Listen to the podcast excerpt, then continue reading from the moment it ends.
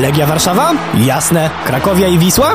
Pewnie. Ruch Chorzów? Naturalnie. Wszystkie te kluby miały ogromny wpływ na historię polskiej piłki. Jest jednak drużyna nieco zapomniana, bez której ta dyscyplina w naszym kraju zapewne nie wyglądałaby tak samo, a której zawodnicy byli prawdziwymi rekordzistami i często twardzielami, którzy potrafili grać fantastycznie, pojechać na wojnę, przeżyć, po czym wrócić i nadal rządzić na boisku. Dziś w programie w Drewniakach przez Sport przyjrzymy się bliżej jednemu z najważniejszych klubów założonych przez Polaków Pogoni Lwów. Przy mikrofonie Wojtek Drewniak, zapraszam.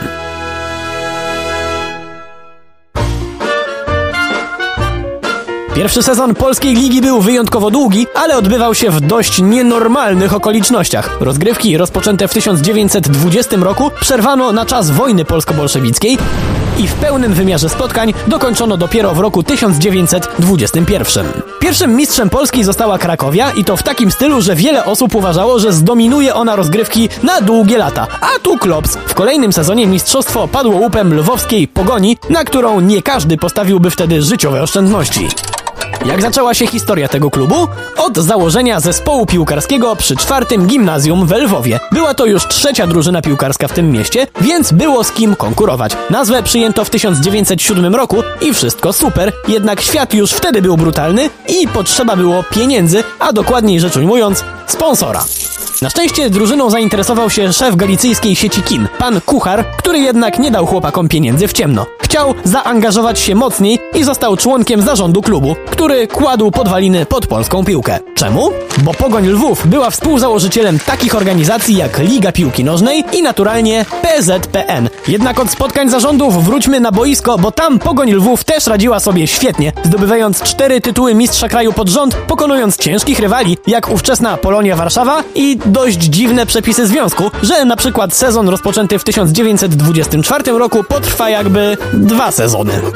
Warto sobie przy okazji tego klubu przytoczyć nazwiska kilku piłkarzy pogoni z tamtych lat, bo byli nie tylko wielkimi twardzielami żyjącymi w ciężkich czasach, ale też próżno dziś szukać drużyny piłkarskiej, w której zawodnicy mieliby tak imponujące wykształcenie. Weźmy takiego Mieczysława Batscha, fantastycznego piłkarza, wielokrotnego reprezentanta Polski, który zapakował na przykład cztery bramki w zwycięskim meczu z Finlandią. Poza tym, że był twardzielem, bo walczył w wojnie z bolszewikami, to był jeszcze inżynierem. Z kolei doktorem nauk lekarskich był znakomity technicznie Józef Grabień, który dzielnie reprezentował Pogoń i Polskę, strzelając choćby bramki Szwecji, a po zakończeniu kariery został dyrektorem szpitala i ordynatorem chirurgii w Chorzowie.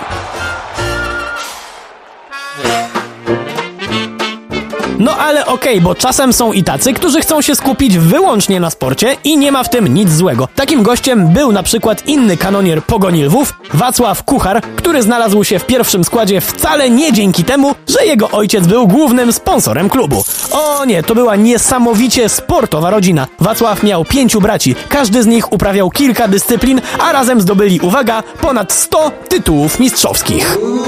Jak już zdążyłem wspomnieć, Kuchar uprawiał kilka dyscyplin. Jeździł na nartach, na łyżwach, był bardzo dobrym tenisistą i łucznikiem. Został lekkoatletycznym mistrzem Polski, podobnie jak w hokeju i łyżwiarstwie szybkim. Serio, mógłbym tak wymieniać jeszcze długo, jednak najbardziej ukochał sobie piłkę nożną. W pierwszej drużynie zadebiutował już jako czternastolatek i zapakował rywalom trzy bramki. Co taki fanatyk sportu mógł robić po zakończeniu kariery? No pewnie, że zostać trenerem. Pogoni Lwów, naturalnie.